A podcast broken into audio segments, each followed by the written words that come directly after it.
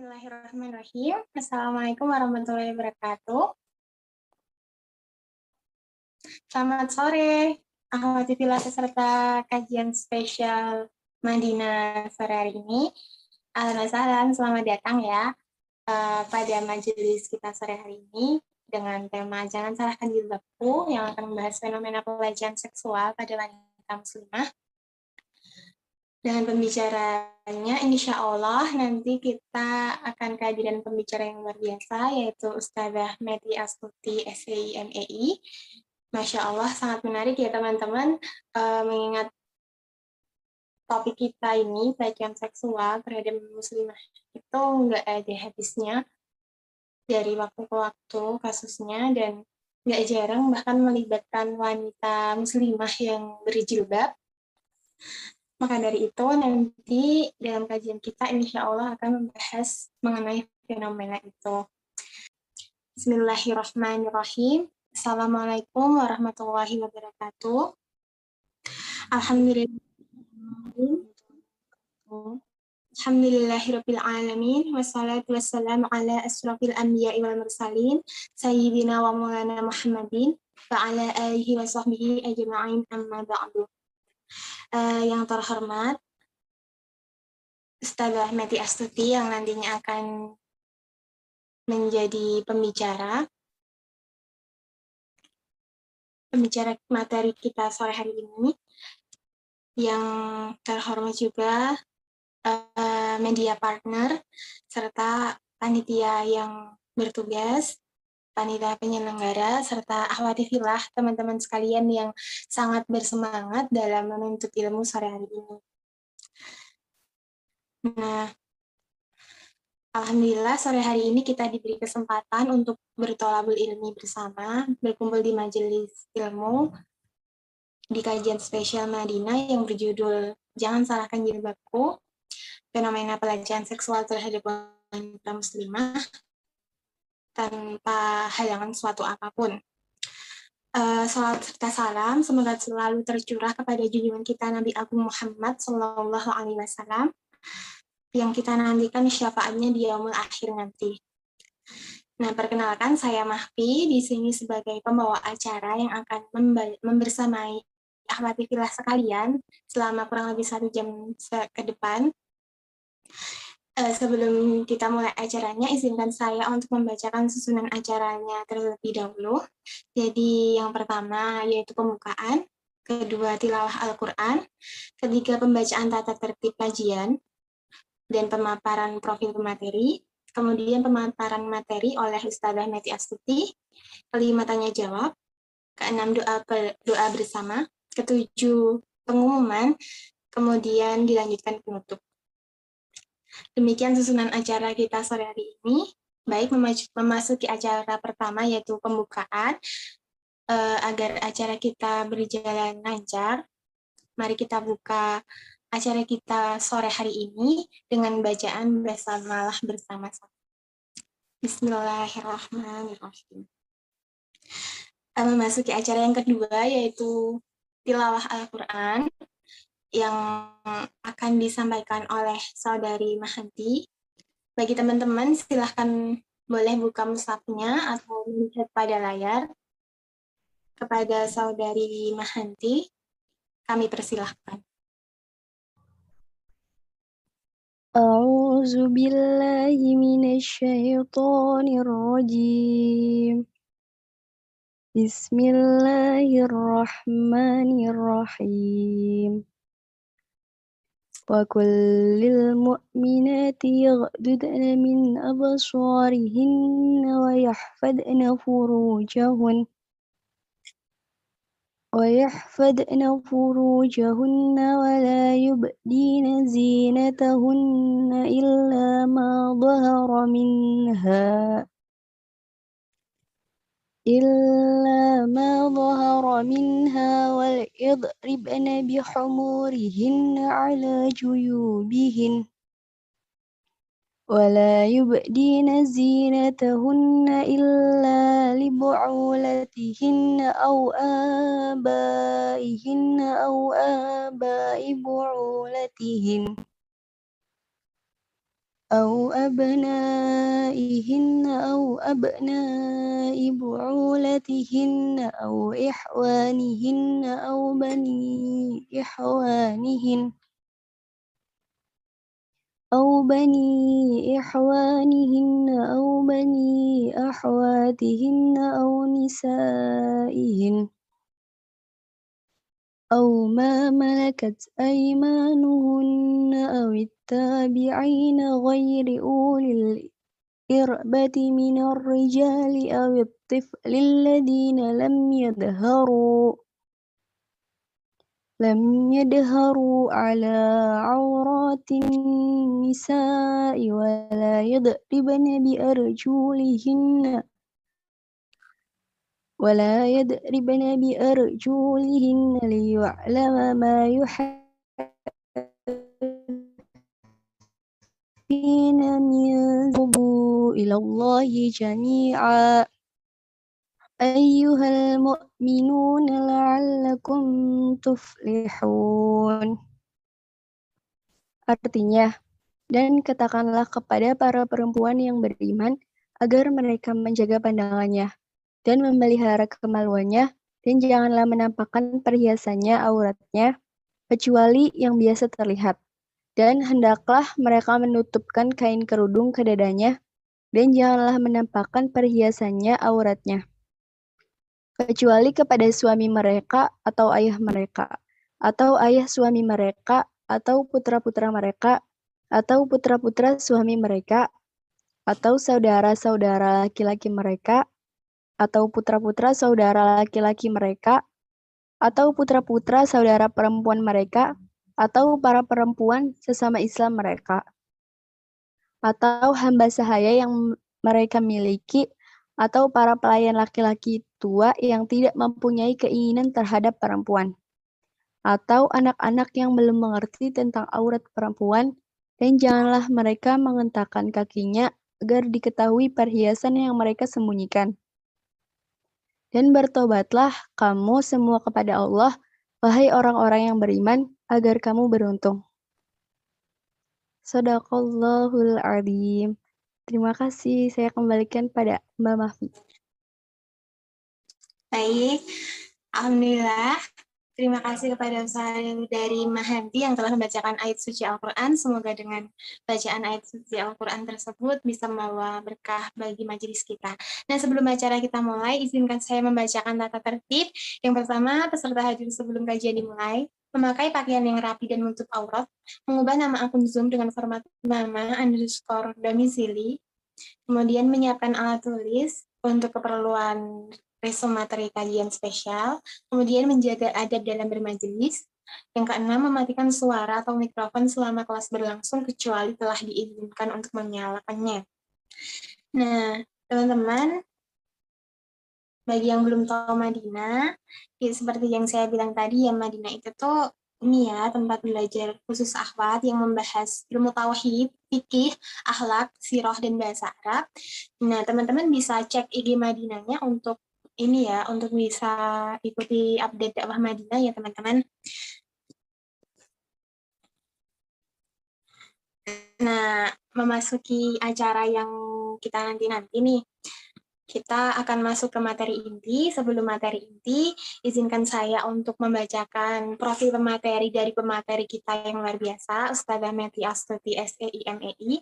Beliau lahir di Bekasi, 19 Juni 1981 menempuh sekolah formal di S1 Ekonomika dan Bisnis Islam STA in Surakarta hingga saat ini S3 Ekonomi Islam UIN Supa Yogyakarta.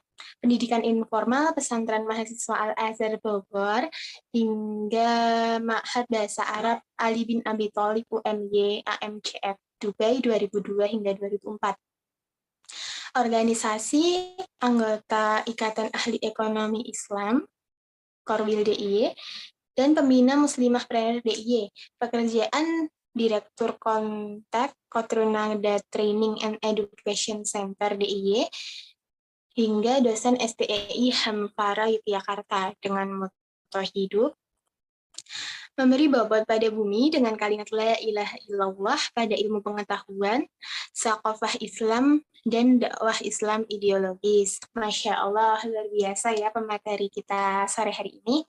Nah, Alhamdulillah pemateri kita telah hadir di tengah-tengah kita. Uh, baik teman-teman bisa menyiapkan posisi yang paling enak untuk menuntut ilmu ya teman-teman uh, kepada Ustazah Meti Astuti yang kami muliakan, kami hormati, kami persilahkan untuk menyampaikan materi. Baik, uh, terima kasih Mbak Mafi. Uh, A'udzubillahiminasyaitonirrajim. Bismillahirrahmanirrahim. Assalamualaikum warahmatullahi wabarakatuh. Alhamdulillahirabbil alamin wa bihi nasta'in wa ala umuri dunya waddin wassalatu wassalamu ala asyrafil anbiya'i wal mursalin sayyidina Muhammadin wa ala alihi wa ashabihi wa ummatihi ajma'in amma ba'du. Alhamdulillah uh, sore yang uh, mendung sih kalau di Jogja ya. Saya nggak tahu ini daerahnya mana aja. Tapi kalau di Jogja sudah rintik-rintik dari tadi. Tapi ya Alhamdulillah ala kulihal uh, masih Allah kasih kesempatan nikmat iman Islam nikmat sehat nikmat waktu luang sehingga kita bisa uh, bermuajahah uh, ya dan bertaaruf dan nanti belajar bersama tentang satu tema yang bisa dibilang nggak gampang ya, tema yang serius gitu. Jadi saya waktu dihubungi panitia untuk mengisi tema ini ya mungkin karena beberapa pekan belakangan ya eh, layar kita entah itu gadget, televisi atau bahkan eh, media sosial kita banyak eh, dilewati gitu ya oleh informasi-informasi seputar kejahatan seksual termasuk glorifikasi apa namanya mantan pedofil kalau kita bisa katakan mantan begitu ya yang itu sangat uh, membuat miris gitu. Sehingga kita perlu menata letak sebenarnya kalau dalam perspektif Islam uh, kekerasan seksual itu seperti apa uh, apa akarnya gitu. Apakah seperti yang disampaikan oleh para feminis itu dikarenakan ada relasi kuasa yang tidak setara atau ada ketidaksetaraan gender lah bisa dikatakan begitu karena budaya patriarki atau budaya yang mengutamakan dan meninggikan laki-laki daripada perempuan. Ditambah juga eh, apa namanya? Apakah juga eh, kalau misalnya kita sudah tahu akarnya, akar masalahnya bagaimana menanggul menanggulanginya gitu ya. Nah, ini sebenarnya PowerPoint yang saya buat hanya sebagai panduan uh, buat kita semua aja. Ini tidak murni saya buat sendiri. Jadi ini saya banyak cuplik dari beberapa sumber. Nanti saya akan sebutkan uh, sumber-sumbernya ya sehingga teman-teman bisa menjejak telusuri sendiri sumber yang saya gunakan. Baik, izinkan saya untuk uh, apa namanya menampilkan layar ya. Sudah terlihat ya layar tidak saya gubah macam-macam hiasannya karena uh, begini juga dalam waktu yang uh, apa namanya tidak banyak gitu ya. Bisa sudah kelihatan ya? Uh, kekerasan seksual pada wanita muslimah bukan salah jilbabnya. Uh, ini adalah hasil rangkuman webinar uh, Bu Eli Risman uh, akhir September kemarin ya, berarti akhir September kemarin yang dirangkum oleh Mbak Sarah Mantovani. Jadi teman-teman bisa buka IG-nya, IG Sarah Mantovani yang itu banyak bahas tentang kekerasan seksual. Karena saya ikuti beliau sehingga saya bisa dapetin beberapa konten yang menurut saya bisa langsung kita pakai untuk uh, membahas ini gitu ya kenapa sih seseorang melakukan tindakan kekerasan seksual ya sebelum kepada korban gitu. Jadi kenapa ini perlu kita cari tahu akar masalahnya agar kita kalau sudah tahu akar masalahnya maka kita bisa merumuskan solusinya. Jadi kita nggak sembarang nunjuk hidung seseorang atau ini salah media, ini salah pakaian perempuan misalnya gitu ya. Kalau bahasan ini kan mau bahas kenapa sih kita udah berjilbab, udah menutup aurat tapi masih juga mengalami pelecehan seksual. Maka menjawab pertanyaan kenapa-kenapa yang menjadi kebingungan kita, kita perlu tahu dulu akar masalahnya. Kenapa seseorang sampai melakukan tindakan kekerasan seksual begitu ya. Nah, kalau menurut Bu Eli Risman bahwa sebenarnya ini dimulai atau sangat dipengaruhi oleh pola asuh gitu ya. Pola asuh orang tersebut yang kita katakan misalnya dia adalah seorang predator seksual atau pelaku kekerasan seksual sejak kecil. Jadi tidak tidak selalu apa namanya pengalaman itu hanya didapatkan oh ketika udah dewasa pergaulan mungkin di terminal di jalanan misalnya seperti itu. Ternyata kalau kita mau jejak telusuri lagi sangat mungkin basisnya itu atau pondasinya itu peluang dia menjadi predator seksual itu sudah tampak atau dapat kita telusuri dari cara orang tuanya atau siapa pun yang mengambil posisi sebagai orang tuanya untuk mengasuhnya gitu ya. Nah, orang tua pada masa ini gitu ya, uh, yang sangat memprihatinkan itu tidak banyak menanamkan adab ya. Menanamkan adab ini maksudnya apa? Yang dimaksud dengan adab adalah tuntunan perilaku ya. Terutama kalau kita bicara uh, kekerasan seksual, maka bicara tuntunan perilaku hubungan antara laki-laki dan perempuan. Dalam bahasa Mbak Bu Eli Risman adalah tarbiyah jinsiah gitu. Jadi pendidikan tentang naluri seksual, tentang perbedaan jenis kelamin dan sebagainya gitu ya. Nah, eh, adab tarbiyah jinsiah ini termasuk nilai agama ya dan sebagainya ini sangat minim gitu ditanamkan di dalam keluarga.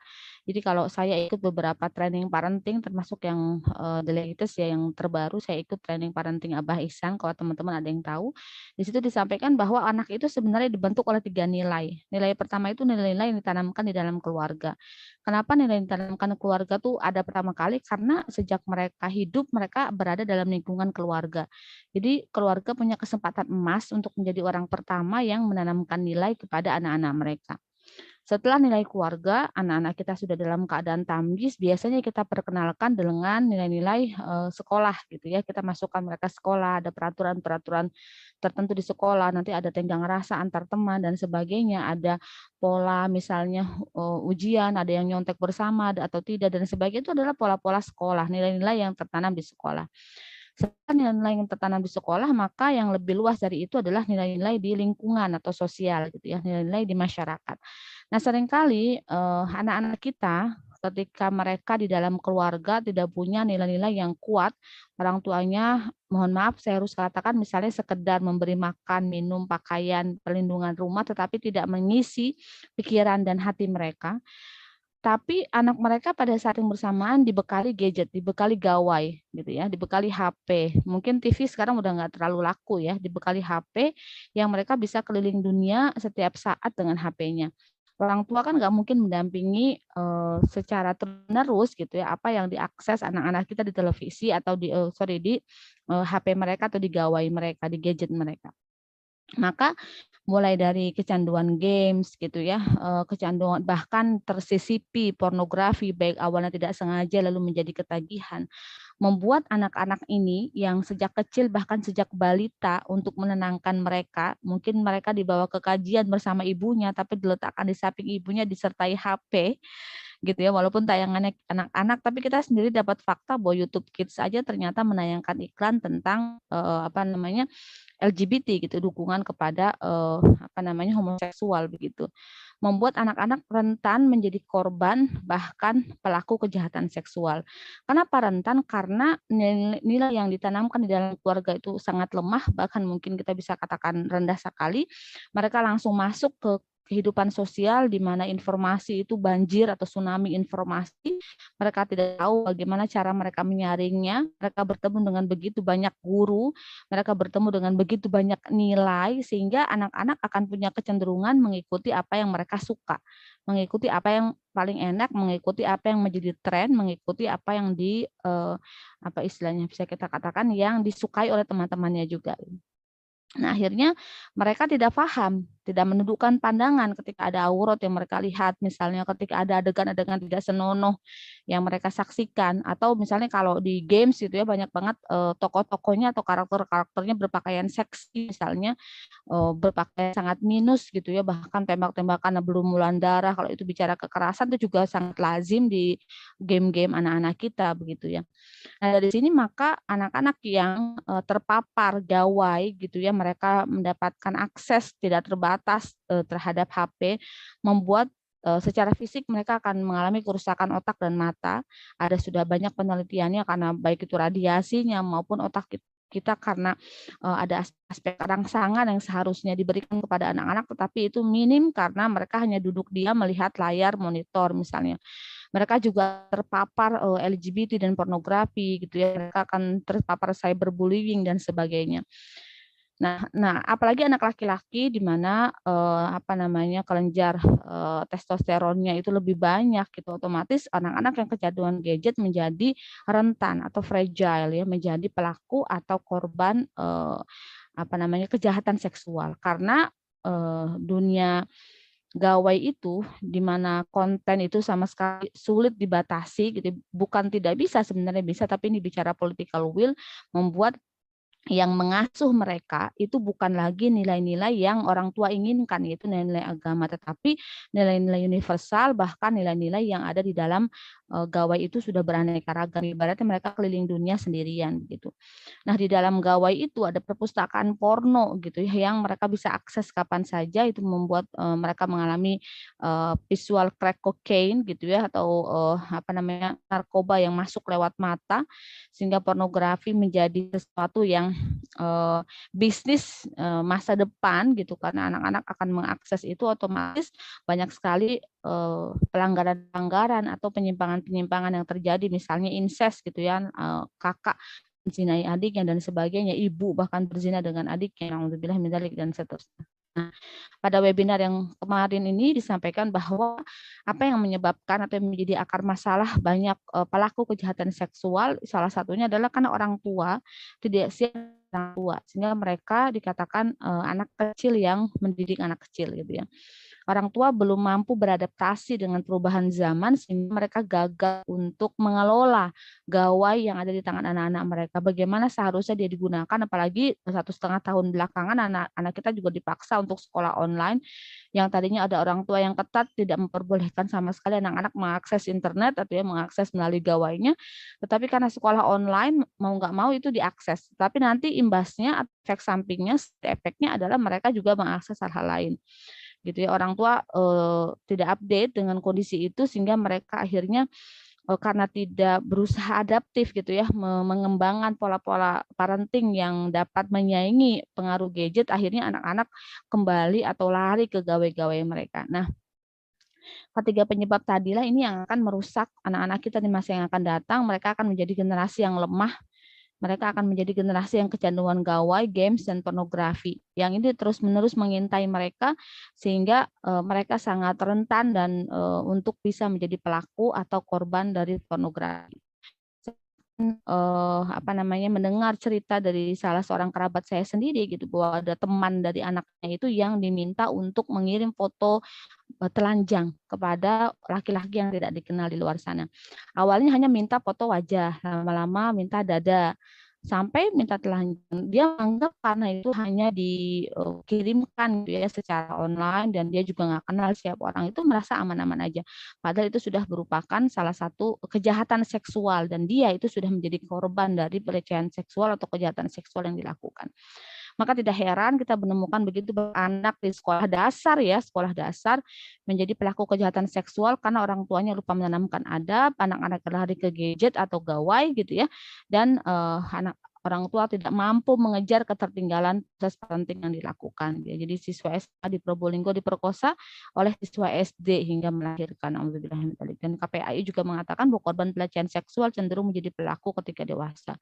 Korban pedofilia bisa jadi pelaku di masa depan jika tak menjalani rehabilitasi dan sebagainya. Bahkan kita ingat ada kasus Emon ya yang sampai menggegerkan eh, Indonesia bahkan mungkin dunia ya ketika dia mensodomi puluhan anak jalanan uh, dia melakukan itu karena dia menikmatinya dan dia dulunya juga adalah korban gitu ya dari aktivitas uh, tersebut gitu ya ya bahwa tidak tidak sedikit gitu ya pelaku yang dulunya pernah menjadi korban pelecehan kejahatan karena tidak direhabilitasi secara fisikis maka mereka akhirnya menjadi uh, menjadi pelaku ya dulunya korban lalu menjadi pelaku bahkan menjadi penyuka sesama jenis saat dewasa.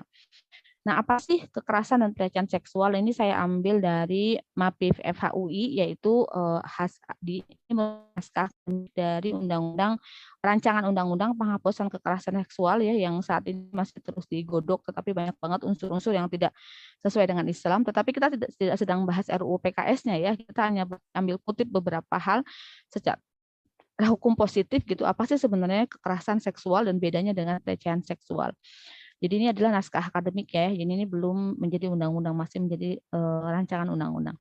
Kekerasan seksual adalah setiap perbuatan merendahkan, menghina, menyerang dan atau tindakan lainnya terhadap tubuh yang terkait dengan nafsu perkelaminan. Ya, jadi uh, berhubungannya dengan nafsu perkelaminan, hasrat seksual seseorang dan atau berhubungan dengan fungsi reproduksi ya. Jadi dilakukan Jadi kalau kekerasan seksual berarti ada upaya untuk melakukan secara paksa yang menyebabkan orang lain yang menjadi korban tidak mampu uh, memberikan persetujuan dalam keadaan bebas karena dia uh, ibaratnya kalau dia pasrah pun itu bukan berarti dia setuju tapi karena dia tidak mampu memberikan persetujuan secara bebas itu dalam keadaan dipaksa. Nah, karena ketimpangan relasi kuasa ini ini diambil pendapat ini ini padahal pendapat feminis ya salah satunya dari seorang uh, filosof Prancis namanya Foucault. Nanti uh, mungkin kita akan bahas sedikit. Jadi karena menganggap ada relasi ketimpangan relasi kuasa yaitu ada budaya patriarki di mana laki-laki uh, dianggap lebih dominan ya dibandingkan perempuan. Misalnya uh, relasi gender atau sebab lainnya yang berakibat atau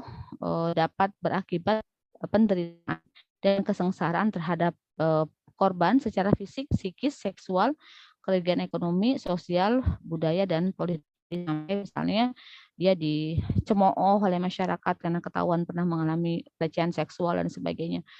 Oh, kisah-kisah yang memilukan hati gitu ya seorang anak perempuan yang dilecehkan secara seksual oleh uh, gurunya gitu sampai anak perempuan itu tidak mau lagi sekolah mengurung diri dalam kamar dan itu terjadi dan dia tidak berani mengaku tidak berani bilang karena takut ya tapi kalau dia nggak sekolah orang tuanya kan marah ya dia terpaksa sekolah dan pelecehan seksualnya terjadi berulang-ulang gitu ya. Nah, apa sih perbedaan antara kekerasan seksual dengan pelecehan seksual? Nah, kalau pelecehan seksual adalah tindakan seksual melalui sentuhan fisik ya, maupun non fisik dengan sasaran organ seksual atau seksualitas korban. Tindakan dimaksud uh, seperti siulan, main mata, uh, apa mengarah kepada uh, anggota badan yang memiliki unsur seksualitas, misalnya ucapan bernuansa seksual, menunjukkan materi pornografi dan keinginan seksual, eh, misalnya membuka alat kelaminnya gitu, mempertontonkannya. Itu juga bagian dari pelecehan seksual, kelepan dan sentuhan di bagian tubuh eh, atau gerakan dan isyarat yang bersifat seksual sehingga mengakibatkan rasa tidak nyaman tersinggung, merasa direndahkan martabatnya, dan mungkin sampai menyebabkan masalah kesehatan dan keselamatan. Jadi pelecehan seksual itu merupakan salah satu dari jenis kejahatan atau kekerasan seksual. Jadi mana ada apa saja bentuk kekerasan seksual ada 15 menurut Komnas Perempuan. Yang pertama adalah saat perkawinan saya tidak sedang mengklasifikasi uh, definisinya ya. Jadi ini adalah saya ambil sebagai satu uh, pengetahuan awal bagi kita uh, apa saja sih sebenarnya dengan kekerasan seksual agar ketika kita bicara kita punya satu definisi yang kita sepakati bersama. Tetapi definisi-definisi ini masih harus di uh, dalami lagi gitu ya seperti pemaksaan perkawinan seorang anak yang menyerahkan persetujuan pernikahannya kepada ayahnya sebenarnya tidak disebut sebagai melakukan pemaksaan perkawinan misalnya ayah kepada anaknya Eh, kontrol seksual ini juga perlu didefinisikan ulang apa yang dimaksud dengan kontrol seksual. Uh, kalau seorang laki-laki atau suami misalnya meminta dilayani istri, maka dalam Islam uh, istri wajib untuk uh, memenuhi panggilan suaminya selama tidak ada uzur syar'i gitu ya seperti sakit atau sedang mengalami sesuatu yang menghalangi dia untuk melayani gitu misalnya dia haid dan sebagainya akan sangat berbeda kalau kita bicara konsen bahwa seseorang melakukannya itu harus suka sama suka. Sehingga kalau istri nggak suka atau nggak mau suami maksa itu akan dianggap sebagai kekerasan seksual. Kalau di dalam Islam tidak begitu. Jadi kewajiban seksual laki-laki dan perempuan kalau kita bisa katakan itu adalah hak dan kewajiban tidak ada hubungannya sama konsen. Tidak ada hubungannya dengan suka atau tidak suka. Kenapa? Karena seseorang di dalam sebuah pernikahan itu ada hak dan kewajibannya. Dia boleh menolak ajakan suaminya tapi dengan syarat-syarat atau uzur syari yang memang diperkenankan secara syariat. Sehingga tidak bisa dikatakan kalau istrinya nggak mau ya nggak bisa dipaksa. Istri yang tidak mau melayani suaminya tanpa uzur syari dia bisa dimasukkan dalam kategori apa membangkang gitu ya dalam kategori nusus misalnya begitu. Pemaksaan aborsi prostitusi paksa berarti kalau nggak dipaksa nggak apa-apa. Ini juga ini juga berbahaya ya. Makanya kenapa uh, kalau kita mau bahas RUU PKS nanti jadi seru banget. Tapi kita kan lagi nggak bahas ke sana ini sebenarnya hanya pengantar saya aja. Pemaksaan kontrasepsi uh, praktek tradisi sunat perempuan ini juga banyak yang masih debatable uh, karena saya memandang sendiri saya sendiri memandang bahwa ini aktivitas yang sunnah gitu ya. Ulama berbeda pendapat tentang hal ini pemaksaan kehamilan, eh, perkosaan, penyiksaan seksual. Jadi ada orang-orang yang melakukan kegiatan seksualnya dengan menyiksa terlebih dahulu, penghukuman bernuansa seksual, eh, apa misalnya ya? Ya tadi misalnya kalau kamu nggak lulus saya harus uh, lakukan sesuatu sama kamu secara seksual. Atau yang terbaru di Trenggalek misalnya ada 34 santri ya yang dilecehkan secara seksual oleh gurunya gitu dengan diraba dan sebagainya. Itu kan jahat sekali luar biasa padahal si guru ini punya istri dan istrinya juga ngajar di tempat yang sama gitu ya jadi uh, ini kan baru mencuat ya ke permukaan uh, sudah terjadi hampir tiga tahun uh, terkuak karena ada salah satu korban yang berani menceritakan kepada orang tuanya gitu intimidasi seksual, perbudakan seksual, eksploitasi seksual, dan pelecehan seksual. Ini semua adalah jenis-jenis kekerasan seksual. Jadi pelecehan seksual yang tadi kita bahas itu sebenarnya hanya salah satu dari kekerasan seksual saja.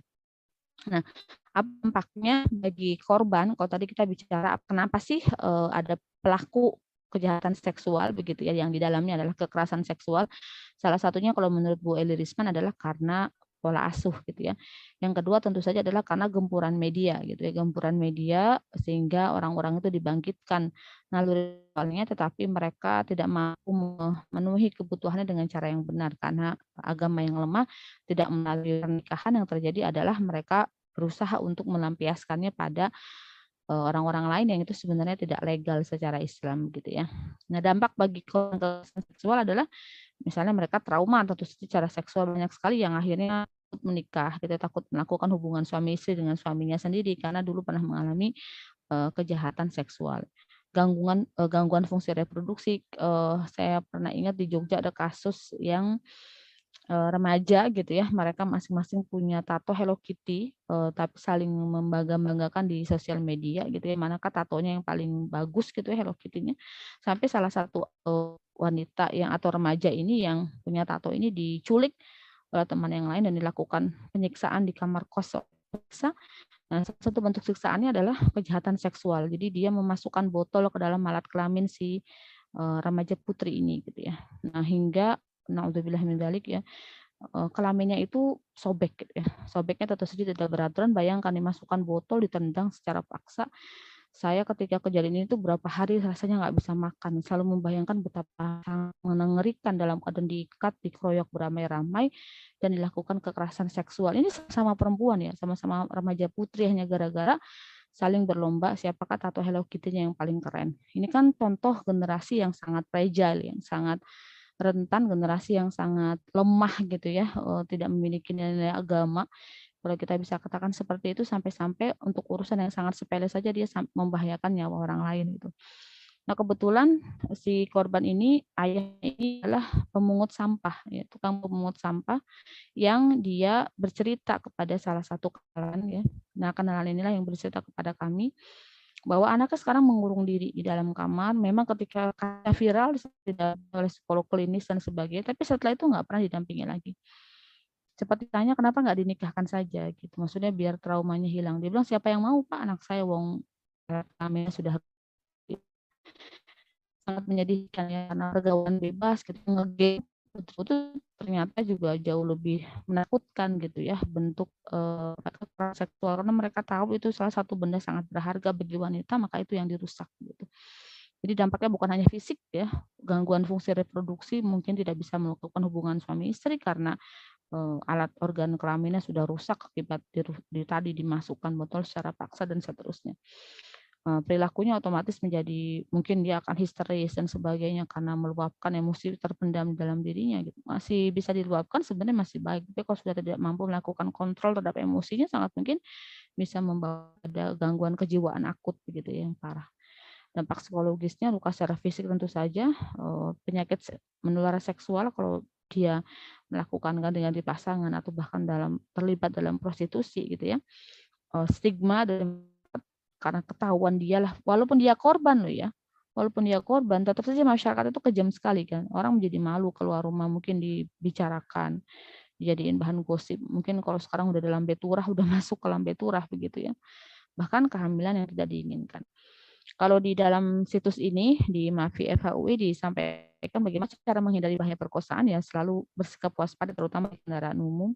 Bekali diri dengan uh, alat-alat tertentu defensif dasar gitu ya lakukan perlawanan, belajar dari kasus yang ada, pukul alat kelamin uh, pelaku gitu ya, dan uh, waspadai orang yang tidak dikenal.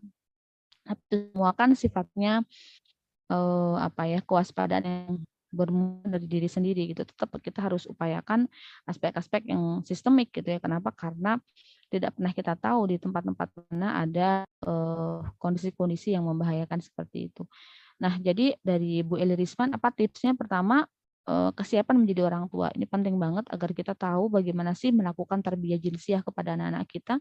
Nah, laki-laki bawa godul basor atau menundukkan pandangan tidak cuma ketika bertemu eh, fakta yang nyata ya wanita yang pakai rok mini, tetapi juga uh, apa yang mereka lihat di gawai mereka ya, di media-media online mereka, di games mereka, di berbagai tontonan mereka. Yang kedua, tetapkan tujuan pengasuhan dan sepakati bersama mekanismenya begitu ya. Uh, ini sangat penting saya sendiri di rumah sebenarnya sangat mengupayakan untuk strict terhadap penggunaan gawai ya. Ini juga wah penuh dengan uh, air mata ya karena pasti anak-anak kan pengennya senang teman-temannya boleh ke aku tidak dan sebagainya.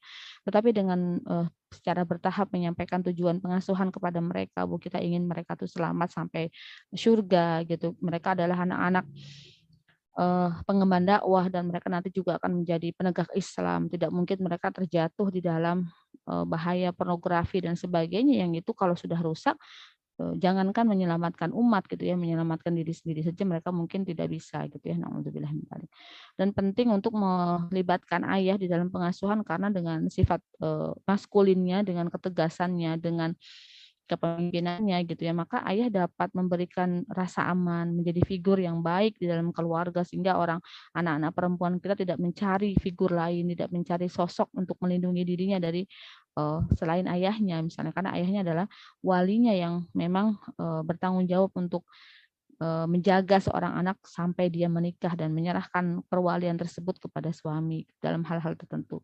Komunikasi ini penting harus saling mendengarkan bukan taklim gitu ya. Karena sering kali orang tua merasa apa yang perlu?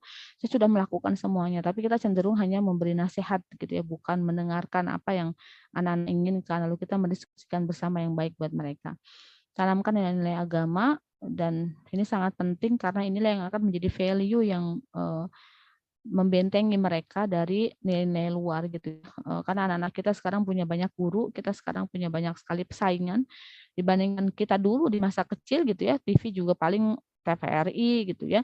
Siarannya kolom pencapir gitu. nggak ada bahayanya gitu. Sekarang Eh, bahaya di mana-mana karena siaran macam-macam youtuber-youtuber isinya ya sebegitulah ya hanya have fun nyari uang dan sebagainya boro-boro menanamkan nilai-nilai Islam itu itu nggak laku gitu yang seperti itu. Sehingga anak-anak kita setiap hari terpapar. Bisa dibayangin nggak? Misalnya satu sampai dua jam mereka berselancar di dunia maya eh, berapa informasi yang mereka dapatkan dari berapa guru mereka mendengarkan berbagai hal dari berapa nilai mereka ambil, maka wajar gitu kalau anak-anak kita tidak taat kepada orang tua, tidak peduli kepada agama. Kenapa? Karena mereka setiap hari telah belajar dari ribuan guru dengan nilai-nilai yang tidak bisa kita kendalikan di luar sana begitu. Jadi jangankan mau menanamkan nilai agama gitu ya, eh, sangat sulit bagi kita untuk mengambil alih anak-anak kita dari orang tua orang tua bayangan yang selama ini eh, bisa kita katakan menjadi pesaing-pesaing kita.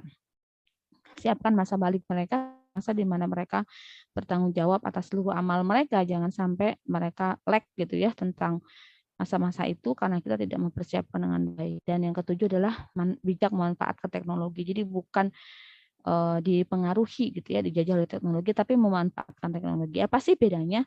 Kalau memanfaatkan teknologi maka berarti kita menggunakan teknologi secara produktif untuk menghasilkan sesuatu yang bermanfaat buat umat. Misalnya kita sekarang nih memanfaatkan teknologi untuk kajian mungkin ada yang memanfaatkan teknologi untuk men-share konten-konten islami, ada yang memanfaatkan teknologi misalnya untuk uh, dakwah, mengajar dan sebagainya. Tetapi anak-anak kita cenderung menjadi orang yang jajah gitu ya, bukan memanfaatkan tapi dimanfaatkan teknologi.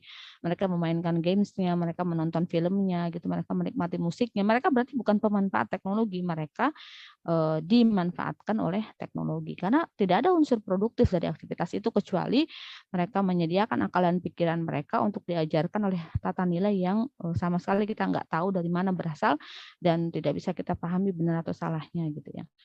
Nah, bagaimana sih perintah di dalam Islam? Uh, sesungguhnya uh, jilbab dan kerudung yang diwajibkan perempuan kepada perempuan ketika mereka keluar rumah saya harus katakan saat ini uh, tidak dapat menjadi benteng satu-satunya bagi kita untuk menghindari dari pelecehan dan kekerasan seksual secara umum. Kenapa? Karena situasi dan kondisinya orang yang uh, berpotensi menjadi pelaku seksual ini ingin melampiaskan hasrat seksualnya. Maka siapa pun yang mereka temui ya. Apalagi sasarannya orang-orang yang secara fisik memang menantang menantang dalam makna merangsang secara seksual pun misalnya tidak merangsang secara seksual karena rangsangan itu sudah muncul dari dalam diri mereka. Dari halusinasi dari hasrat mereka dari pengalaman mereka menonton film porno misalnya dari pengalaman mereka memainkan game-games yang mengarahkan ke sana dari pengalaman mereka misalnya bahkan uh, dulu dilecehkan secara seksual sehingga kita ini gitu ya yang memakai jilbab dan kerudung di sini dikatakan jilbab itu adalah pakaian luar dalam bentuk seperti gamis sementara kerudung ini adalah khimar ya. Jadi eh, sering kali orang Indonesia menganggap kerudung itu jilbab. Padahal kerudung itu khimar. Eh, perintahnya di surat An-Nur ayat 31. Sementara jilbab itu perintahnya di surat Al-Ahzab ayat 59. Tadi juga dibacakan oleh uh, ini ya uh, oleh Qariah surat An-Nur ayat 24 ya kalau tidak salah ya gitu. Jadi eh, apa namanya bahwa kita punya kewajiban mengenakan jilbab dan kerudung. Jadi kalau ada pertanyaan di awal yang menjadi uh, trigger ya, uh, trigger panitia untuk mengadakan kegiatan ini, kenapa ada orang pakai jilbab tetap dilecehkan secara seksual? Karena kalau kita bicara pelecehan atau kekerasan seksual itu bukan hanya tentang kewaspadaan personal kita, tapi ini bicara lingkungan, bicara media, bicara masyarakat yang memang kondisinya mereka sangat berpeluang menjadi pelaku atau predator seksual gitu. Sehingga menurut saya tidak cukup gitu mengenakan jilbab dan kerudung walaupun ini sebuah kewajiban tetapi kita harus punya langkah-langkah uh, apa konstruktif lainnya gitu ya. Dan kita harus paham bahwa mengenakan jilbab dan kerudung mungkin tidak akan menghentikan kejahatan seksual tapi menurunkan bisa. Kenapa? Karena berarti ada satu rangsangan seksual yang hilang itu rangsangan dari si wanita rangsangan dari kita. Karena kalau sudahlah wanita tersebut pakai rok mini ditambah orang-orang yang menjadi memiliki potensi melakukan kekerasan seksual juga sudah punya informasi di dalam benaknya kan otomatis mereka sudah melakukan berbagai aktivitas itu mereka sudah mendapatkan informasi-informasi ya itu akan multiplier efek gitu ya. Efeknya akan lebih dahsyat kalau wanita-wanitanya tidak berkerudung, tidak berjilbab. Nah, kalau kita berkerudung tapi dan berjilbab tetapi ketemu orang-orang yang berpotensi melakukan pelecehan seksual itu sangat mungkin. Saya sendiri secara personal pernah mengalaminya dulu saat masih uh, saya lulus analis kimia, saya dulu sekolahnya SMK. Jadi saya analis kimia 4 tahun, itu saya kerja saya kan mondok tuh ya di Bogor di uh, pesantren mahasiswa. Jadi uh, sementara saya kerjanya tuh di perbatasan Kabupaten Bogor dengan Jakarta, tepatnya di daerah Gunung Putih.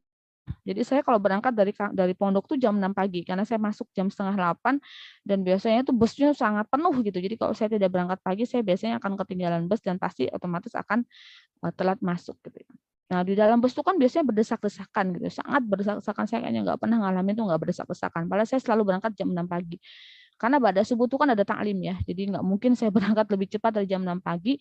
Ada taklim biasanya paling cepat sampai setengah 6. Kadang-kadang sampai jam 6 sehingga saya harus cepat-cepat mandi beraktivitas baru berangkat. Jam 6 tuh berangkat dari pondok ke terminal Baranang Siang. Saya ingat banget kalau yang tinggal di Bogor pasti tahu terminal Baranang Siang. Nah, saya pernah mengalami itu. Jadi dalam keadaan berdesak-desakan saya merasa di belakang saya laki-laki itu kayak me, apa ya memaksakan diri untuk nempel ke saya gitu loh. Dan ya kita paham lah ya struktur tubuh laki-laki kalau mereka sengaja menempelkannya kepada kita. Jadi saya segera mencari e, celah agar saya menghindar. Dan saya tahu itu ada upaya dari dia untuk menyengaja gitu ya mendesak-desakan diri. Karena orang berdesak-desakan kan cenderung uh, apa ya dia akan menghindarkan dari sentuhan-sentuhan terhadap organ-organ uh, vital di dalam tubuhnya ya uh, tetapi dia malah menyengaja gitu. Jadi uh, saya sangat tidak nyaman sehingga saya tuh kalau berangkat kerja tuh selalu deg-degan gitu, deg-degan. Saya akan ketemu nggak nih dengan orang-orang yang seperti ini.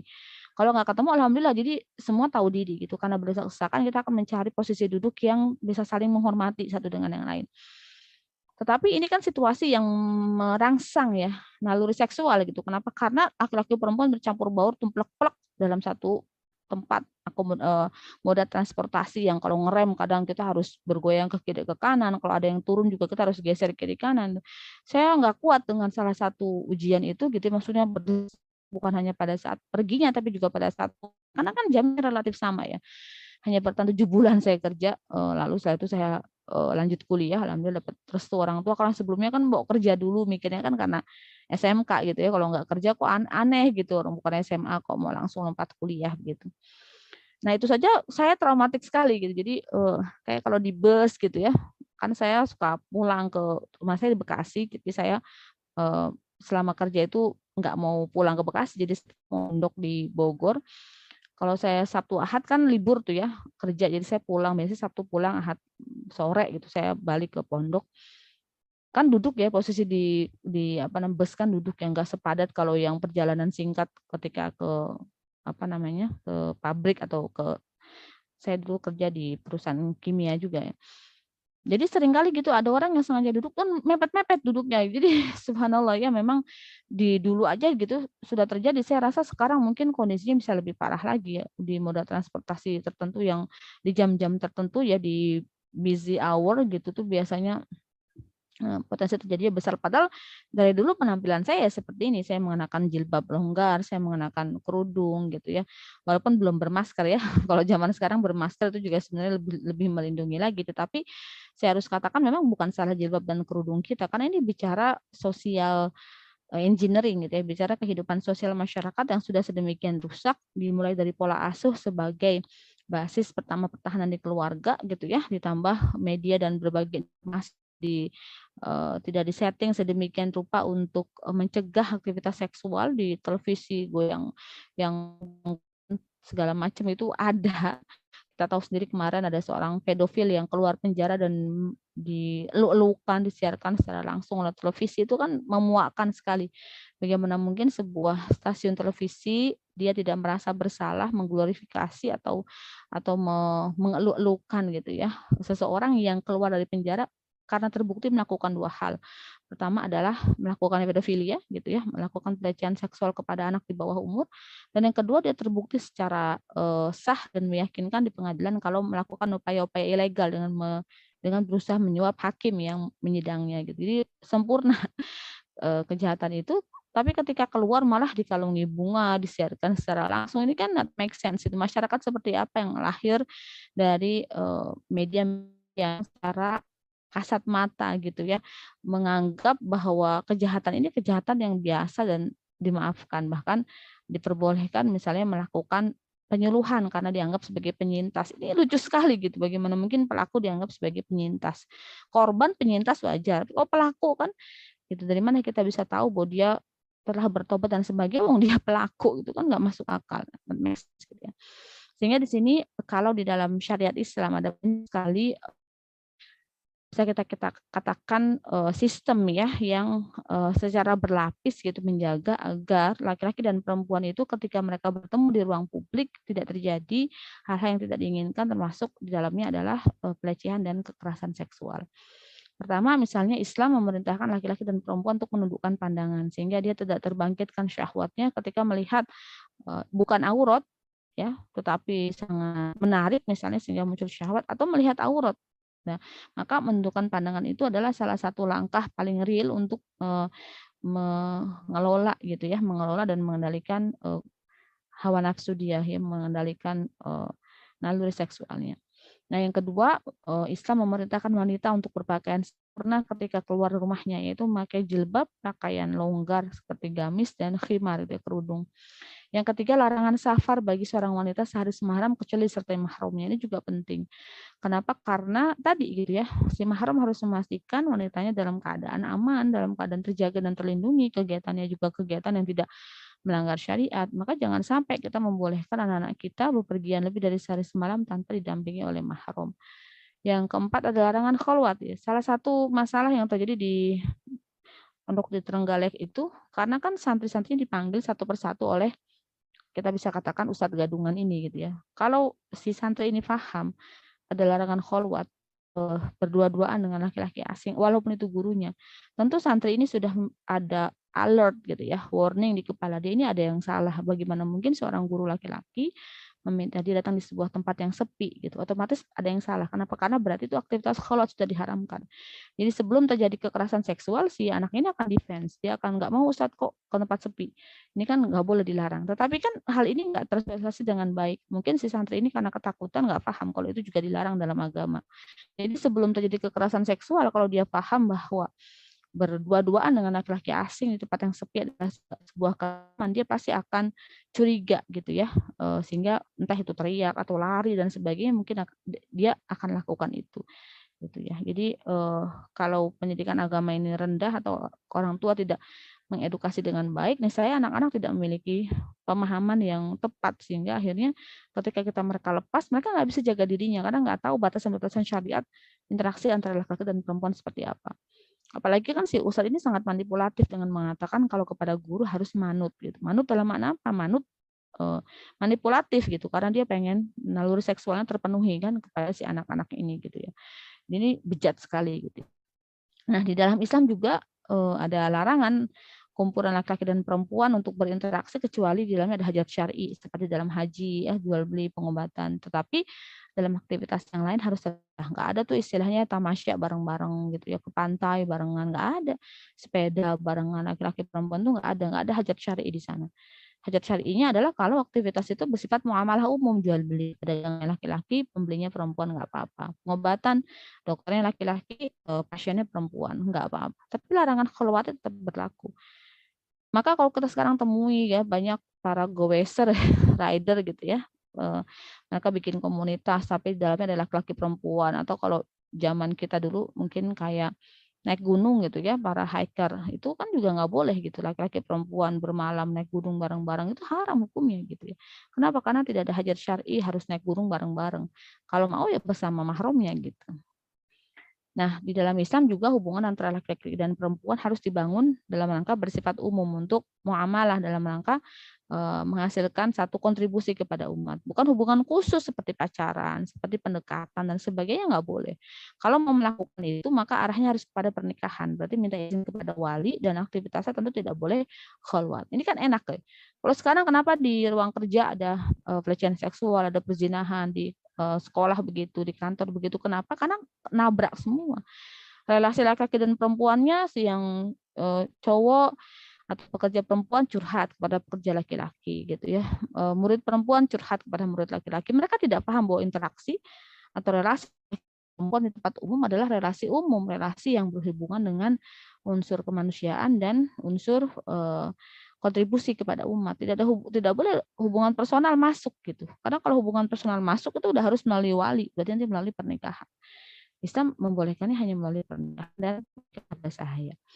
Yang berikutnya, eh, seorang wanita punya dua kehidupan sebenarnya. Ada kehidupan khusus di mana dia bersama dengan wanita dan mahramnya, dan ada kehidupan umum di mana dia bertemu dengan laki-laki asing, bertemu dengan wanita lain yang bukan kerabatnya. Nah, maka ketika dia berada di dalam kehidupan umum, dipastikan dia memenuhi kaidah-kaidah syariat. Misalnya nggak boleh tabarus berdandan berlebihan nggak nggak boleh khulwat tadi nggak boleh ikhtilat campur baur laki-laki perempuan harus berpakaian sempurna begitu ya kalau lebih dari sehari semalam disertai mahramnya maka kalau ini dijaga relasi ini dijaga nih saya akan turun gitu ya kejahatan seksual ditambah misalnya ada larangan tidak boleh ada materi seksual apa pun yang dipublikasikan kalau masyarakat gitu ya karena itu memang sesuatu sifat uh, private di dalam ruangan suami istri gitu ya bukan diedukasikan. Jadi itu sebenarnya bukan uh, edukasi seksual, tapi edukasi kebebasan seksual gitu kalau menurut saya. Jadi ketika ada edukasi tentang seks di kehidupan uh, apa namanya anak sekolah mah yang diajarin misalnya uh, apa siklus haid, nifas, bagaimana kontrasepsi terjadi, bahkan mungkin sampai diajarin tutorialnya. Kan ada di beberapa sekolah yang bahkan diajari tutorial mencium dan sebagainya gitu. Itu duh luar biasa parah. Saya tidak tahu apakah Indonesia melakukan itu atau tidak, tetapi kalau dilihat dari materi-materi yang diberikan itu sama sekali nggak ada filter Islamnya, tapi menggunakan materi-materi yang dibuat oleh eh, apa namanya lembaga nasional gitu yang diratifikasi di Indonesia. Nah, jadi laki-laki dan perempuan dilarang melakukan aktivitas atau mencari nafkah yang mengeksploitasi aspek feminin dan maskulinitasnya. Gitu. Jadi dia harus bekerja karena skillnya, bukan karena wajahnya, bukan karena tinggi badannya, bukan karena putih kulitnya sehingga dia dapat kontrak make up, dia dapat kontrak lulur wajah. Kok lulur wajah sih lulur eh, badan misalnya. Bukan, dia mendapatkan pekerjaan harus karena skillnya, bukan karena kecantikan tubuhnya sehingga dia menjadi vlogger make up misalnya dan sebagainya. Nah, mungkin itu uh, panduan di dalam Islam sehingga kalau ini diterapkan ditambah ada sanksi yang berat gitu ya, jadi hukum hadir di tengah-tengah masyarakat, insya Allah kejahatan dan pelecehan seksual ini dapat dihindarkan dan diturunkan sampai dalam level yang paling rendah. Uh, demikian Mbak Mahfi, mungkin materi dari saya, saya kembalikan kepada Mbak Mahfi dan teman-teman semua. Ya. Masya Allah. Alhamdulillah, terima kasih Ustazah Meti yang telah menyampaikan materi yang luar biasa ini. Uh, sesi selanjutnya, teman-teman, ini adalah sesi tanya jawab. Jadi teman-teman sekalian yang mau menyampaikan pertanyaan kepada Ustazah Meti dipersilahkan untuk raise hand terlebih dahulu atau mengetikkan pertanyaan di room chat. Monggo dipersilahkan teman-teman. Waalaikumsalam warahmatullahi wabarakatuh. Ya, uh, mohon izin ya, uh, Ustazah. Uh, ini saya mau nanya, kadang tuh saya menemukan di apa ya perbincangan di kantor gitu, atau kayak di WA grup kantor gitu. Uh, kadang tuh sebenarnya nggak ditujukan ke saya atau, hmm. tapi kadang kayak bercandaan-bercandaan gitu ya, yang kayak uh, tentang apa namanya pokoknya tentang ya seksual gitu loh. Uh, terus habis itu kadang misalnya kayak respons uh, respon-respon gitu misalnya dengan stiker-stiker yang seperti itulah kayak gitu hmm, stiker-stiker hmm, wanita hmm. yang terbuka auratnya gitu. Kadang saya dan teman-teman yang perempuan ini ngerasa risih sih sebenarnya. Kami kan apalagi belum nikah gitu kan ya. Kira ngerasa risih gitu uh, kayak ini apa sih bapak-bapak ini gitu kadang ngerasa kayak gitu gitu. tapi kalau misalnya mau direspon itu kayak nanti malah kita jadi kayak malah mengundang gitu. Uh, uh, terus kalau misalnya nggak direspon kok kayak gitu terus ya gitu. Kadang tuh bingung gitu kayak mau kayak gimana ya kita karena nggak nyaman kita juga bekerja sama dengan mereka gitu kan. Nah itu yang uh, seharusnya seperti apa ya kayak gitu. Karena kalau seperti itu kan ranahnya uh, grup yang udah grup staff-staff aja gitu yang nggak sama bos juga gitu loh. Jadi hmm. mereka ya bebas aja gitu. Jadi nggak ada kontrol gitu. Tapi di sini kita harus kerja sama sama mereka dan kayak gitu gitu omongannya gitu. Kadang-kadang kalau kita mau ngasih tahu ntar malah kita jadi sok kayak sok-sokan gitu kan ya. Atau malah kayak kita malah jadi yang mengundang gitu. Nah itu hmm. gimana ya sarannya gitu. Makasih. Ada adminnya nggak di grupnya? Ada. Kalau saya uh, memberikan masukan ya, yang membuat uh, hak dan batil itu tidak berjalan ya. Jadi kita tidak kembali ke fitrah kita gitu bahwa itu sebenarnya tahu salah. Nah, itu karena pertama ada aturan, tapi aturannya nggak dijalankan. Yang kedua ada hukuman, tapi hukumannya nggak diterapkan. Yang ketiga ada kita bisa katakan mungkin semacam keteladanan gitu ya, atau atau semacam kesadaran orang tuh faham yaitu itu sesuatu yang berhubungan dengan uh, pelecehan seksual. Tetapi dia tetap melakukan. Apa orang-orang yang kena narkoba itu nggak tahu kalau narkoba itu berbahaya? Tahu dia. Atau orang-orang yang sedang bicara nyerempet-nyerempet gitu ya, aspek seksualitas seseorang tuh tidak tahu bahwa itu tuh tidak senonoh. Oh, tahu. Kenapa mereka tetap melakukan? Karena hukum nggak tegak gitu. Hukum nggak tegak. Jadi kalau saya eh, sepakati dulu di grup gitu ya, eh, pembahasannya harus seputar apa gitu. Kalau misalnya melanggar harus di kick out gitu. Atau kalau misalnya grupnya tidak bisa dikondisikan kita yang pergi. Kenapa? Karena ini bicara izah dan ifah kita gitu. Toh grup itu tidak ada hubungannya dengan pekerjaan gitu. Pekerjaan kita kan di kantor tidak bersifat pun misalnya online kan bukan yang dirapatkan online di grup kan. Grup itu kan sebenarnya sifatnya hanya ramah tamah gitu. Kecuali kalau grupnya bentuknya grup kerja ya sengaja dibuat untuk koordinasi kerja ya maka kalau ada orang yang kita harus selalu bikin rules dan rulesnya itu harus berjalan apa yang menyebabkan misalnya orang-orang tetap buang sampah sembarangan padahal dari tulis jangan buang sampah di sini atau jangan buang sampah di sungai misalnya. Karena saat mereka buang sampah nggak ada yang e, merazia gitu atau tidak ada yang menindak. Pun kalau ditindak cuma dirazia sesekali seminggu sekali. Tapi setelah itu udah nggak ada lagi. Makanya sistem-sistem razia-razia gitu tidak akan berjalan karena itu hukum tegak pada saat tertentu dan tidak tegak di saat yang lain gitu. Dan sifat manusia itu kan dia senang yang bebas-bebas gitu. Jadi kalau saran saya, kalau grupnya tidak bisa dibuat kondusif, tidak bisa disepakati peraturan tertentu yang berhubungan dengan hal-hal tertentu yang disepakati di grup, ya keluar saja gitu. Keluar saja. Tidak usah khawatir nanti dicap apa. Ya memang hidup tuh semua penuh pilihan. Tetap di grup itu tetapi kita akan selalu dilecehkan secara seksual yang tidak memiliki harga diri atau keluar dari grup itu tapi kita memiliki izah dan ifa dan itu tidak ada hubungannya dengan kinerja kita di kantor gitu kalau saya ngambil sikap begitu karena secara umum eh, di kantor-kantor ya terutama di eh, lembaga-lembaga umum ya bukan lembaga-lembaga Islami itu biasa banget menjadikan joke-jokes seksual itu sebagai sesuatu yang umum gitu. Jadi suami cerita beliau itu kan uh, dosen di salah satu kampus di Jogja, dosen tambang. Otomatis kan baik itu mahasiswa sama dosennya kan sebagian besar laki-laki. Suatu ketika kan biasa lah ya ada kuliah lapangan atau apa satu mobil gitu. Uh, jokesnya tuh semua saru lah gitu. Mereka tahu suami saya ustadz dan suami saya tidak suka hal itu. Sampai mereka eh hati-hati tuh ada ustadz ada ustadz. Maksudnya menyebut nama suami saya gitu. Jadi bahkan suami saya tidak ikut nimbrung. Jadi misalnya kayak di mesnya gitu ya mereka ngobrol apa suami saya pergi gitu. Atau misalnya dekat biasanya suami saya japri secara personal jangan dong begitu itu enggak ini gitu ya misalnya seperti itu jadi uh, harus ambil tindakan karena kalau tidak uh, kita berada dalam uh, satu kondisi yang tidak suka tetapi seperti setan yang bisu gitu, tidak melakukan tindakan-tindakan tertentu sehingga jangan protes gitu kalau kita nggak nyamannya berlanjut ya karena kita mengambil sikap itu kan, mengambil sikap mm, mentolerir gitu. Padahal menurut saya itu bukan sesuatu yang dapat ditolerir itu. Uh, saya juga kan ngajar ya, cuma kan saya kampusnya alhamdulillah kampus Islami dan ruangan-ruangan uh, kita semua bersekat. Jadi jadi kita kalau berkumpul ya benar-benar memang ada rapat tertentu sehingga nggak pernah tuh muncul jokes-jokes aneh-aneh gitu.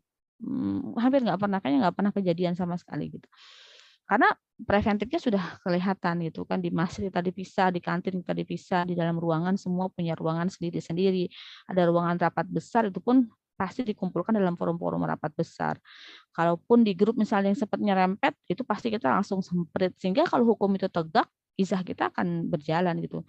Yang membuat bahkan sampai terjadi, hmm, bisa kita katakan, selingkuhan ya di dunia kantor tuh karena gitu. Saya punya teman yang kerja di salah satu kampus Islami swasta di Jogja. Awalnya si wanita ini uh, kebetulan tinggalnya agak jauh, yang rumahnya satu jalan, satu jalan dengan laki-laki itu. Awalnya cuma ikut bonceng gitu ya, ikut bonceng kan kebetulan si cowoknya ini bawa mobil. Hmm, biasanya udah izin sama suaminya si cewek ini, oke boleh gitu. Biasanya turunin depan rumah, lama-lama turunin depan gang. Setelah itu mereka banyak punya proyek berdua gitu. Proyek yang ada mereka berdua sampai akhirnya mereka berselingkuh. ya itu karena apa? Karena eh, apa ya? Sesuatu yang awalnya dianggap biasa walaupun sebenarnya nggak biasa ya campur laki-laki perempuan dalam satu kendaraan itu kan nggak boleh kalau bukan mahram gitu. Sampai mereka berselingkuh, mereka berselingkuh, benar-benar loh. Jadi kalau eh, kebetulan lagi nginep di hotel tim, mereka biasanya pilih kamarnya sebelah sebelahan atau bahkan yang ada apa namanya koneksinya gitu kan kayak yang buat keluarga kan nggak masuk akal gitu.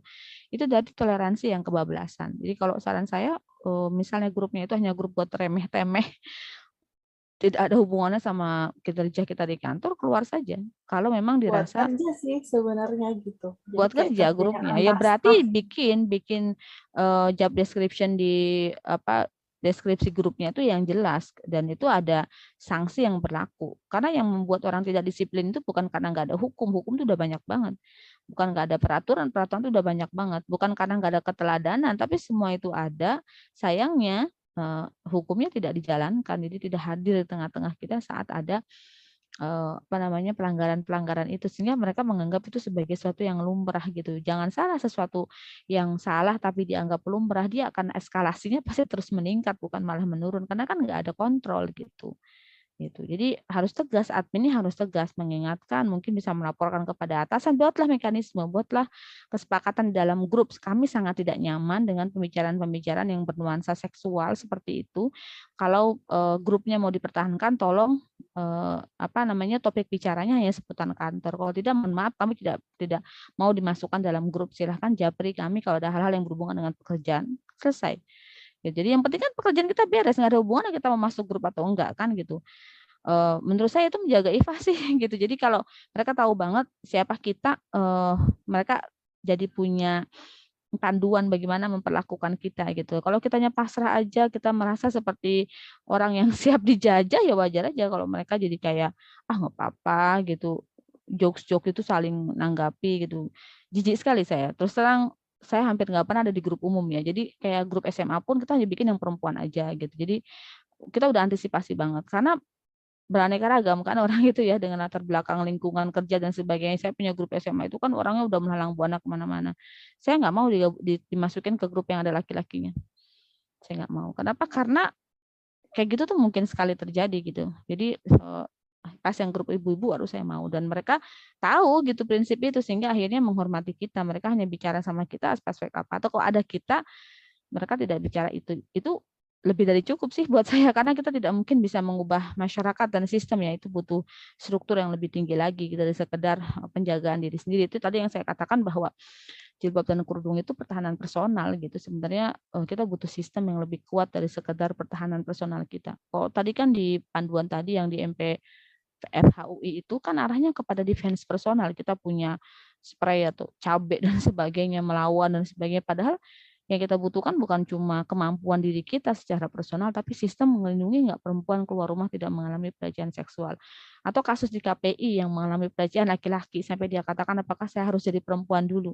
Apakah saya harus diperkosa dulu untuk mengatakan bahwa ini adalah sebuah pelecehan untuk kekerasan seksual begitu kan. Berarti kan literasi masyarakat tentang kekerasan seksual sangat masih sangat minim ya masih sangat minim ada perasaan malu gitu loh kalau eh, apa namanya mm, itu terungkap dan sebagainya Gitu sih kalau saya, Mbak Astri. Kalau saya mah lebih baik tegas gitu loh daripada uh, kita nggak nyaman terus menerus itu sangat mengganggu psikis kita sih gitu dibuat kerja kayak nggak nyaman aja gitu. Kok kita di ya, dibilang apa-apa misalnya kan kadang suka ada apa sih sebutan-sebutan tertentu gitu mungkin karena apa kita besar atau apa buat saya saya sangat tidak sepakat itu pasti akan saya perkarakan betul gitu loh. Mungkin iya. itu Mbak Asri. Baik, terima kasih kepada Ustazah Nati Astuti atas jawabannya. Ini terdapat satu pertanyaan lagi Ustazah dari Gebita Pimadewi, izin saya bacakan. Assalamualaikum Ustazah, izin bertanya, mungkin sedikit melenceng, bagaimana cara kita menasihati orang lain yang dia memiliki persepsi bahwa percuma sudah menutup aurat, tapi masih tetap suka foto muka dan dipost, karena dari hal itu bisa saja muncul syahwat. Dan pernah juga mengatakan kalau mending tidak berjilbab daripada berjilbab, tetapi masih suka munafik. Berulang kali saya mendapatkan kalimat seperti itu, Ustazah. Mohon masukan atau penjelasannya. Syukron. Ya, baik. Uh, Mbak Gepti ya, namanya Mbak siapa? Gebita. Gebita. Mbak, uh, Mbak Gebita, saya rasa orang yang melakukan uh, yang mengucapkan hal ini mereka dia sesat pikir ya. Jadi dia punya standar yang uh, kacau gitu ya. Uh, menutup aurat itu wajib, mengenakan jilbab itu wajib, menampakkan wajah itu hukumnya mubah. Jadi jangan hanya gara-gara yang mubah lalu kita membuat yang wajib itu tidak penting. Itu kan salah ya wah kok masih foto wajah gitu, mendingan kamu buka aja auratnya itu kan keliru banget gitu. Padahal menutup aurat itu kan hukumnya wajib gitu. Dan moto wajah kita itu kan pilihan saja kita mau, mau menampakkan wajah kita atau tidak. Ulama saja kan berbeda pendapat tentang dari itu. Saya sendiri mengambil hukumnya mubah gitu karena wajib hanya bagi istri Nabi. Oleh karena itu, ya hak kita gitu untuk menampakkan wajah kita di publik sebagaimana kita pun muncul di, di kantor dengan wajah terlihat. Kan sama aja muncul di kantor dengan muncul di feed IG kita. Cuma yang membedakan karena feed IG itu yang merespon banyak orang, maka kita harus pertimbangkan apakah ada maslahatnya buat umat gitu ketika kita menampilkan foto diri kita. Yang kedua kalau ada maslahatnya buat umat, misalnya kita mau mau kasih sharing apa tertentu, apakah harus menampilkan foto kita? Itu kan mubah ya, tapi haruskah menampilkan? Oh, ya harus karena identitas misalnya kita kita bisa sebutin eh, alasan-alasan yang kita pandang penting. Oke, apakah harus sekarang? Nah, jadi mungkin screening itu yang bisa menjadi hmm, apa ya bisa saya katakan sebagai panduan kita. Kenapa? Karena orang kalau melihat wajah kita itu mereka bersyahwat yang salah mereka bukan kita karena wajah itu bukan aurat. Gitu. Tetapi kalau mereka melihat paha kita dan mereka bersyahwat salah dua-duanya, salah mereka karena melihat aurat dan salah kita karena menampilkan aurat. Kan menampilkan aurat itu kan dosa.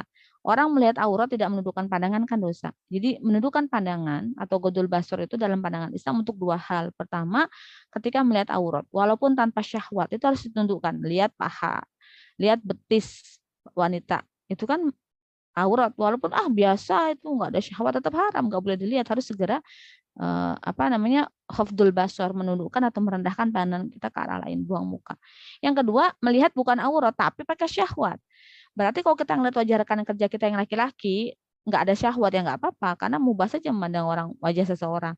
Tetapi kalau ada syahwat karena dia saking cantiknya, saking gantengnya, itu harus menundukkan pandangan gitu. Misalnya lihat artis sampai ke bawah mimpi, sampai oh ya muncul syahwat lah gimana ya, nah itu nggak boleh, berarti harus segera ditundukkan. Berarti bukan salah wajahnya, kenapa syahwatnya muncul buat perkara yang mubah, berarti dia harus menundukkan pandangan. Tapi kalau kita mau waro, mungkin kita cantik banget, nggak pakai makeup juga udah menawan gitu ya. Jadi kalau kita muncul tuh orang udah langsung ngiler. ya boleh saja kita udahlah nggak usah posting wajah gitu. Tapi tidak mengubah kemubahan loh ya. Dia tetap mubah. Tapi itu kan waro. Waro itu kan menjaga dari perkara yang syubhat yang kita khawatir akan jatuh kepada keharaman. Tapi tidak mengubah hukum gitu. Jadi eh, itu kan mirip ada orang buat apa pakai jilbab kalau masih munafik? Loh, munafik itu apa? Munafik itu tidak tidak ada hubungannya sama jilbab. Kita kan nggak boleh bilang buat apa hmm, sholat kalau nggak puasa. Sholat sama puasa itu sama-sama kewajiban. Satu dan lainnya tidak saling menegasikan. Kalau kita belum sholat, bukan berarti kita tidak wajib puasa. Atau kalau kita belum puasa, bukan berarti kita nggak wajib sholat. Dua-duanya sama-sama kewajiban. Yang masing-masingnya ada eh, apa namanya berbagai syarat dan ketentuan yang berlaku. Ini nggak bisa ditabrak-tabrakin kayak gitu gitu ya. Jadi sampaikan saja menampakkan wajah itu kan mubah saja. Kok kamu ada syahwat yang salah kamu gitu. Saya tidak tidak bertampil senonoh atau tampil yang sengaja eh, ekspresinya di macem-macemin atau pakai make up yang berlebihan gitu kan nggak ada masalah menurut saya sebagaimana kalian pada ke kantor ke kampus kan wajahnya kelihatan maka di IG wajah kelihatan boleh nggak? Ya boleh saja. Cuma mungkin dampak multipliernya lebih besar karena dia media sosial yang dapat diakses lebih banyak orang kan gitu. Bisa disimpan, bisa disebarkan lagi. Kalau melihat di kantor kan sekilas tertanamnya cuma di dalam memori itu nggak bisa disebar ke orang dan sebagainya. Itulah bedanya kalau kita tampil di media sosial dengan kita tampil secara real life offline gitu. Gitu ya, Mbak Mafi dan Mbak Gebita. Baik, kira-kira sudah jelas ya Mbak Yudita. Penjelasan Ustazah Meti sudah sangat menjawab. Masya Allah, luar biasa antusiasme peserta kajian sore hari ini. Semoga kita semua dapat memetik pelajaran dari materi yang telah disampaikan Ustazah Meti. Uh, yang dan teman-teman semua yang mungkin masih ada pertanyaan yang belum bisa disampaikan, mungkin bisa disampaikan saat kesempatan selanjutnya di kajian spesial selanjutnya ya teman-teman. Nah, memasuki acara selanjutnya yaitu doa bersama uh, kepada Ustazah Meti. Uh, kami mohon untuk kesediaannya untuk memimpin kami berdoa bersama sekalian menjadi penutup kajian sore hari ini. Baik. Hadinya. صالحة الفاتحة. أعوذ بالله من الشيطان الرجيم. بسم الله الرحمن الرحيم. الحمد لله رب العالمين. الرحمن الرحيم. مالك يوم الدين. إياك نعبد وإياك نستعين. اهدنا الصراط المستقيم. صراط الذين أنعمت عليهم غير المغضوب عليهم ولا الضالين. اللهم صل وسلم وبارك على سيدنا محمد وعلى آله وأصحابه وأمته أجمعين. اللهم إنا نسألك سلامة في الدين والعافية في الجسد. وزيادة في العلم وبركة في الرزق وتوبة قبل الموت ورحمة عند الموت ومغفرة بعد الموت. اللهم هون علينا في سكرات الموت والنجاة من النار والعفو عند الحساب. ربنا تقبل منا إنك أنت السميع العليم وتب علينا إنك أنت التواب الرحيم. اللهم هب لنا من أزواجنا وذرياتنا قرة أعين واجعلنا للمتقين إماما. اللهم اغفر لنا ولوالدينا وللمؤمنين يوم يقوم الحساب. اللهم أكفنا بحلالك عن حرامك وأغننا بفضلك عمن سواك. اللهم ارزقنا حلالا طيبا مباركا طالبا غير مطلوب وغالبا غير مغلوب. اللهم حاسبنا حسابا يسيرا. اللهم آمنا بما أنزلت. وتبعنا رسول واكتبنا مع الشاهدين. اللهم أرنا الحق حقا وارزقنا اتباعه وأرنا الباطل باطلا وارزقنا اجتنابه. اللهم لا تزغ قلوبنا بعد إذ هديتنا وهب لنا من لدنك رحمة إنك أنت الوهاب. اللهم هب لنا من الصالحين. اللهم أوزعني أن أشكر نعمتك التي أنعمت علي وعلى والدي وأن أعمل صالحا ترضاه وأصلح لي بذريتي. اللهم أعيني على ذكرك وشكرك وحسن عبادتك. اللهم إنا نعوذ بك من علم لا ينفع ومن قلب لا يخشع ومن نفس لا تشفع ومن دعوة لا يستجاب لها. اللهم إنا نعوذ بك من الهم والحزن ونعوذ بك من العجز والكسل ونعوذ بك من الجبن والبخل ونعوذ بك من غلبة الدين وقهر الرجال.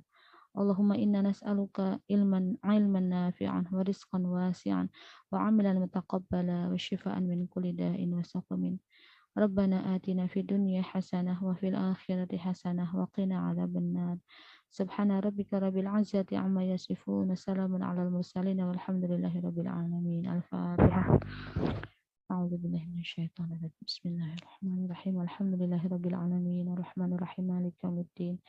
إياك نعبد وإياك نستعين. اهدنا الصراط المستقيم.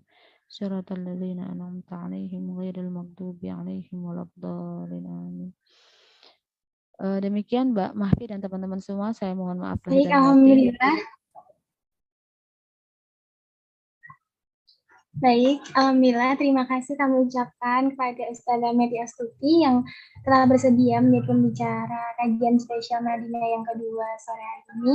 Dari materi yang kita petik tadi teman-teman, jadi beberapa yang dapat kita petik yaitu di antaranya ada batasan ya teman-teman dalam kita bertemu uh, lawan jenis untuk meminimalisir terjadinya pelecehan seksual dan perlu diingat bahwa bukan salah jilbab kita uh, terjadi pelecehan seksual pada kita. Baik, uh, masya Allah. Acara selanjutnya yaitu pengumuman saya pada Ustazah Meti Astuti. Sekali lagi kami ucapkan terima kasih. Uh, boleh dipersilakan meninggalkan meeting apabila terdapat kepentingan selanjutnya. Ya, saya pamit ya berarti ya. Ya, Alhamdulillah. Assalamualaikum warahmatullahi wabarakatuh. Waalaikumsalam warahmatullahi wabarakatuh. Baik teman-teman, sesi selanjutnya yaitu pengumuman. Nah, di sini ada program menarik nih di, dari Madinah, yaitu Bagi Cinta. Teman-teman sekalian bisa donasi ke Madinah melalui rekening yang tertera atas nama Nurul Hidayah. Di sini teman-teman bisa turut membagikan sedekah makan untuk warga yang membutuhkan di wilayah daerah istimewa Yogyakarta dengan target donasi 5 juta. Nah, ini kesempatan emas banget ya teman-teman untuk ikut bersedekah. Yuk, kita bisa bagi sedikit rezeki kita untuk memberi bantuan pada teman-teman yang membutuhkan ya teman-teman. Nah, di Madinah sendiri itu sebenarnya banyak programnya. Teman-teman bisa cek di Instagramnya Madinah Indonesia uh, dan YouTube-nya juga di Spotify ya teman-teman untuk mengikuti kegiatan dakwah Madinah yang lainnya. Baik, acara ini acara telah kita lalui bersama-sama. Mari kita tutup majelis kita sore hari ini dengan bacaan hamdalah dan doa kafaratul majelis. Alhamdulillahirabbil alamin. Subhanakallahumma wa bihamdika asyhadu an la ilaha illa anta astaghfiruka wa atubu ilaik. Akhir kata, saya selaku pembawa acara kajian spesial sore hari ini memohon maaf apabila terdapat kesalahan dan da baik dari tutur kata maupun sikap. Eh, mohon dimaafkan. Sekian dari saya. Wassalamualaikum warahmatullahi wabarakatuh.